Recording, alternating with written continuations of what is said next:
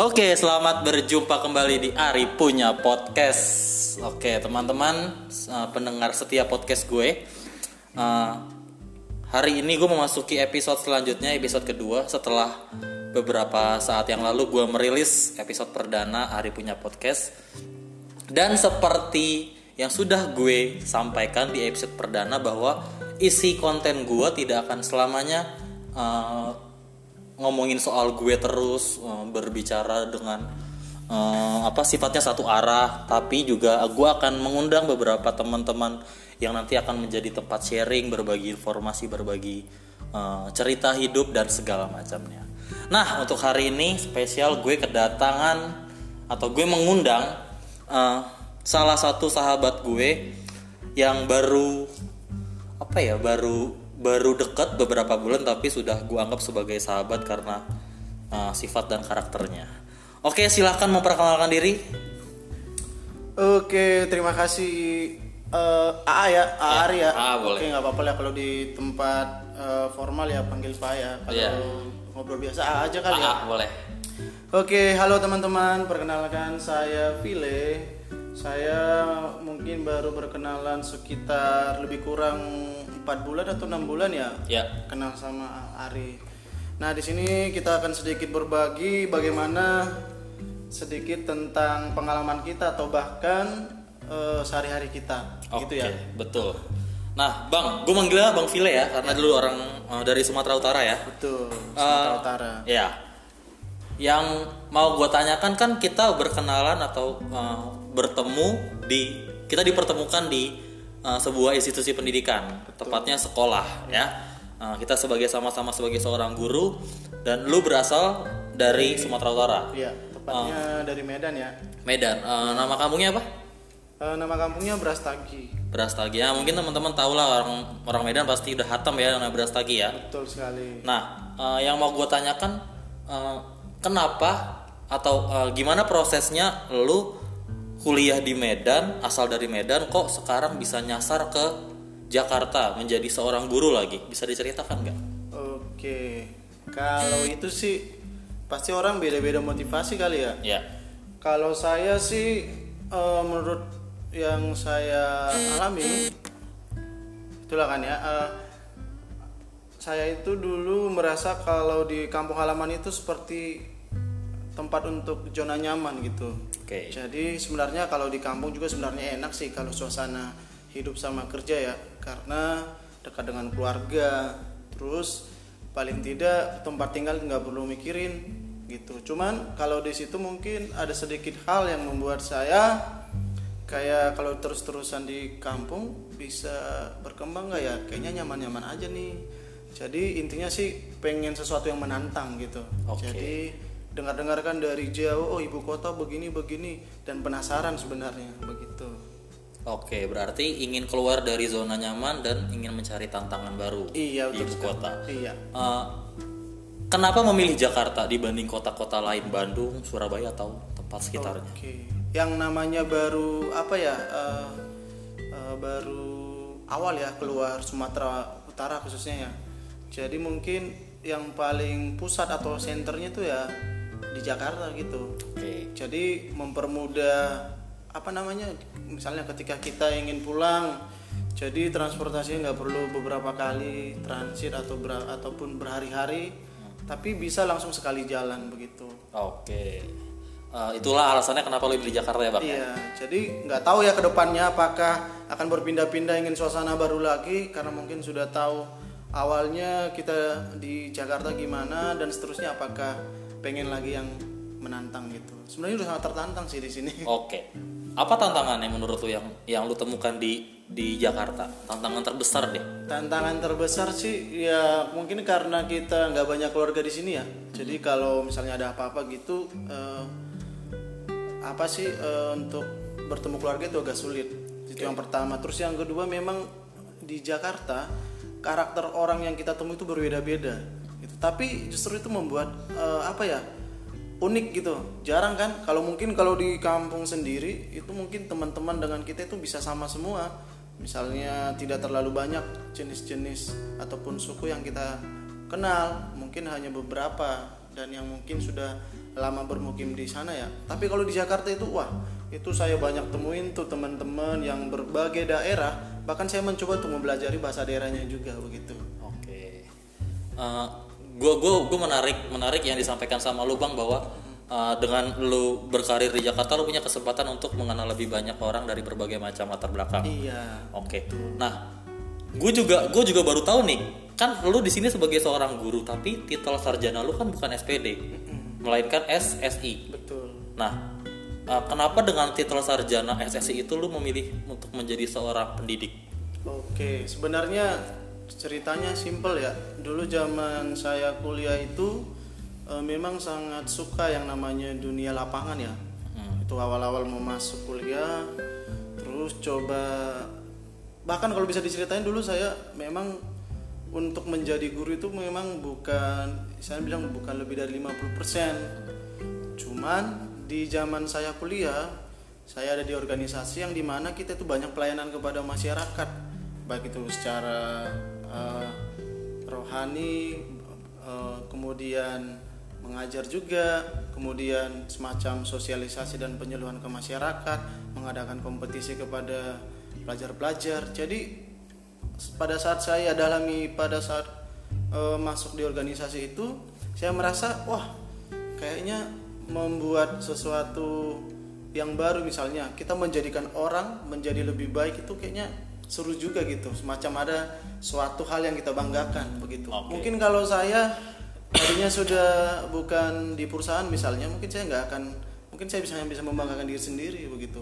Maksudnya tidak terlalu apa ya tidak terlalu berpengaruh juga kepada orang-orang. Mungkin hanya keluarga mungkin hanya perusahaan. Tapi kalau saya misalnya di sekolah saya lama-lama menyadari bahwa apa yang kita berikan ke pelajar itu suatu saat mungkin jika mereka eh, berhasil itu kita mempunyai kebanggaan tersendiri juga. Oke. gitu dia. Berarti ingin membuat atau motivasinya sebagai seorang guru itu kalau boleh gue simpulkan ingin membuat apa ya masa depan yang lebih baik buat anak-anak kita. Iya, tidak hanya untuk diri sendiri. Karena kalau orang bilang ya kita kan sebagai makhluk apa ya sosial ya atau kita tuh nggak pernah yang namanya puas akan apa pun. Jadi kalaupun suatu saat ah guru kan seperti ini apa enggak apakah cukup untuk menghidupi itu kan tergantung kita sebagai orang untuk bagaimana bisa eh, Bersyukur ya. iya mencukupi itu kan balik kembali ke gaya hidup Betul. Ah, di di pedalaman banyak guru yang mungkin juga hanya biasa-biasa saja tapi bisa menyekolahkan semua misalnya putra putrinya misalnya dalam satu keluarga ada empat sampai lima orang tapi semuanya bisa sampai sekolah setinggi tingginya itu yang membuat saya oh kenapa kita tidak belajar dari orang yang sudah terbukti eh, ada hasilnya gitu. Jadi orang yang sudah sesukses apa pun dikatakan bisa tidak berhasil jika memang dia selalu tidak pernah bersyukur. Udah itu aja sih simple. Intinya seberapapun apa yang apa yang kita miliki sampai saat ini intinya bersyukur lah ya. iya Mau mau eh, yang kita dapat berlebih ataupun kekurangan intinya bersyukur. betul sekali. Itu sih yang buat kalau tidak mah e, merasa kurang terus kalau nggak tahu bersyukur ya kan tergantung kita aja sih gimana mengolahnya begitu Oke. Nah, eh, menarik mendengar cerita lu sih bang. Dan satu pertanyaan selanjutnya yang gue pengen eh, tahu dari lu adalah, tentu kan kita setiap manusia punya punya cita-cita, punya ambisi. Nah dari lu sendiri, apa cita-cita yang mungkin sampai saat ini eh, masih dalam proses mengejar atau mewujudkan? Oke, sebenarnya saya sih dibilang sudah eh, mungkin udah sekitar 50% itu sudah bisa lah eh, saya jalanin ya selama hidup udah tercapai mungkin. Saya lulus perguruan tinggi dulu juga sudah merupakan cita-cita. Betul. sudah bekerja juga ya kan? Tapi yang hanya satu yang ingin saya inginkan lah. Sebenarnya saya punya cita-cita lagi itu ingin melanjutkan pendidikan sih sebenarnya. Jika ada rezeki cuman ya eh, saat ini sedang mencoba apakah memungkinkan apa tidak karena kan dari orang tua sendiri juga pasti permintaannya berbeda Ya. begitu jadi eh, hari eh, saat ini sih ada pikiran untuk mencapai suatu hal pendidikan yang baru lagi hanya bukan karena ingin sekolahnya tinggi tapi ingin menambah pengalaman saja Oke. Berarti cita-cita terbesar yang sampai saat ini belum terwujud adalah melanjutkan pendidikan pendidikan. Betul. Kalau nikah bang? Ah, kalau nikah ya itu sebenarnya mengalir ya.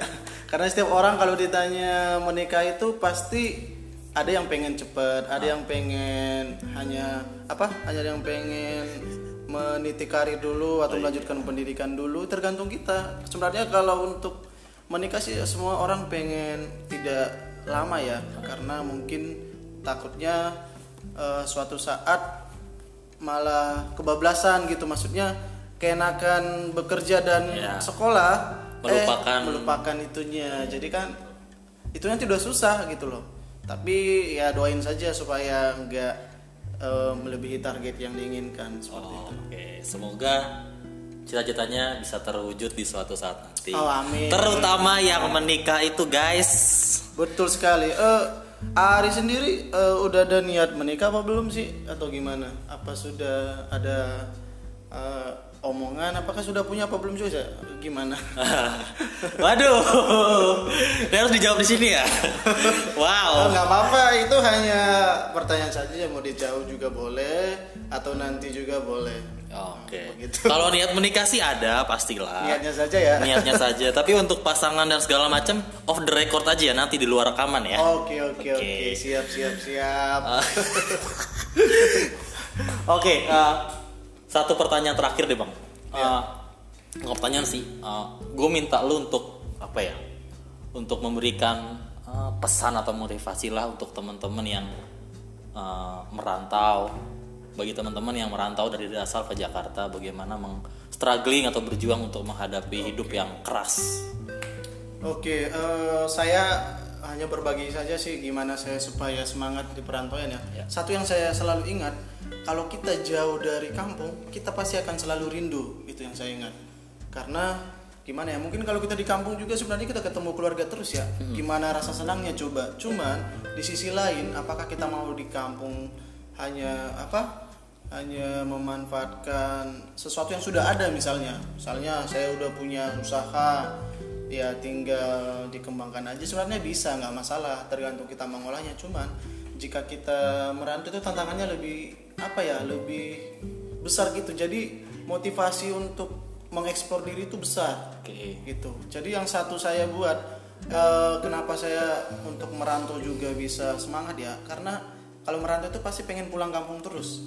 Kata pengen itu loh pengen. Berarti pada saat kita pulang kampung itu wah gembiranya luar biasa. Semacam apa ya semacam itu juga suatu kebahagiaan bukan padahal kan itu hanya pulang Ya betul. Nah, tapi kebahagiaannya itu sudah bila bisa dibilang tidak dapat diukur sampai segimana besarnya saking bahagianya begitu. Jadi buat teman-teman yang ada di perantauan intinya sih eh, selalu semangat karena orang-orang di kampung juga pasti selalu mendoakan.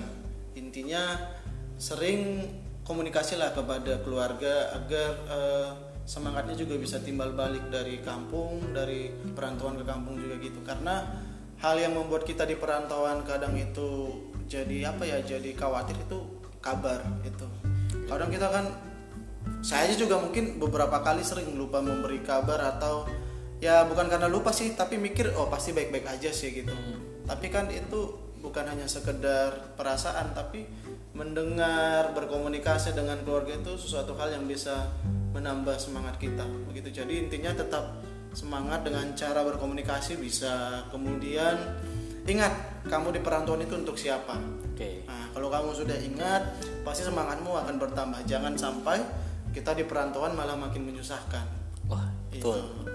Tuh, teman-teman, pesan terakhir dari Bang Vile untuk teman-teman di perantauan bahwa tetap semangat, ingat juga kalian merantau ke sini mau ngapain tujuannya. Semoga teman-teman di perantauan eh, bisa saling tetap berkomunikasi. Sekali. Intinya jangan lupa kalau di perantauan, yang pertama sekali cari teman yang bisa kita jadikan juga jadi keluarga kita.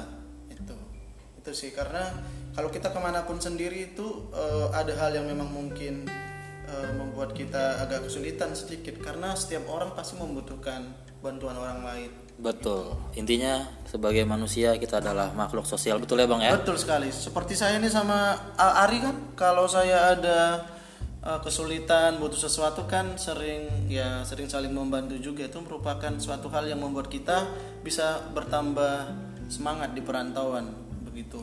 Oke, betul. Oke, Bang Vile, Ya. terima kasih banyak untuk sharing kita hari ini. Oke, saya juga terima kasih A Ari karena sudah mau berbincang ya dan diskusi eh, bagaimana kita sedikit apa menceritakan tentang keseharian kita Oke. atau pengalaman kita lah untuk berbagi buat teman-teman. Betul sekali. Semoga ini ada satu atau dua pesan yang bisa dipetik oleh teman-teman. Amin Kalau ya kalau nggak ada pesan juga nggak apa-apa. Yang penting kita kan kita mau sharing doang Iya, kan. mau sharing doang. Mau dengerin ya monggo. Teman-teman juga punya cerita lain nanti boleh berbagi juga ke kita. Siapa Iya. tahu bisa jadi eh, pe- pedoman buat kita ya. Betul, jadi inspirasi buat kita ya. Betul sekali. Oke, cukup sekian dari kami. Sampai bertemu di episode berikutnya. Salam sehat dan semangat. Semangat. Ya.